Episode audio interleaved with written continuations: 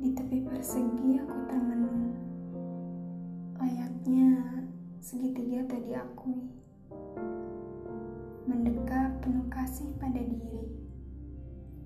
Rintihan air mata turun dari langit.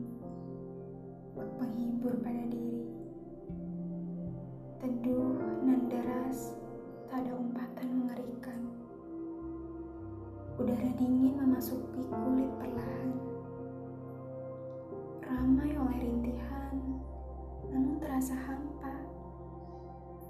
Menguatkan semut seraya berkata, ini bukan salahmu. Takdir menyuruhmu di tempat yang lebih.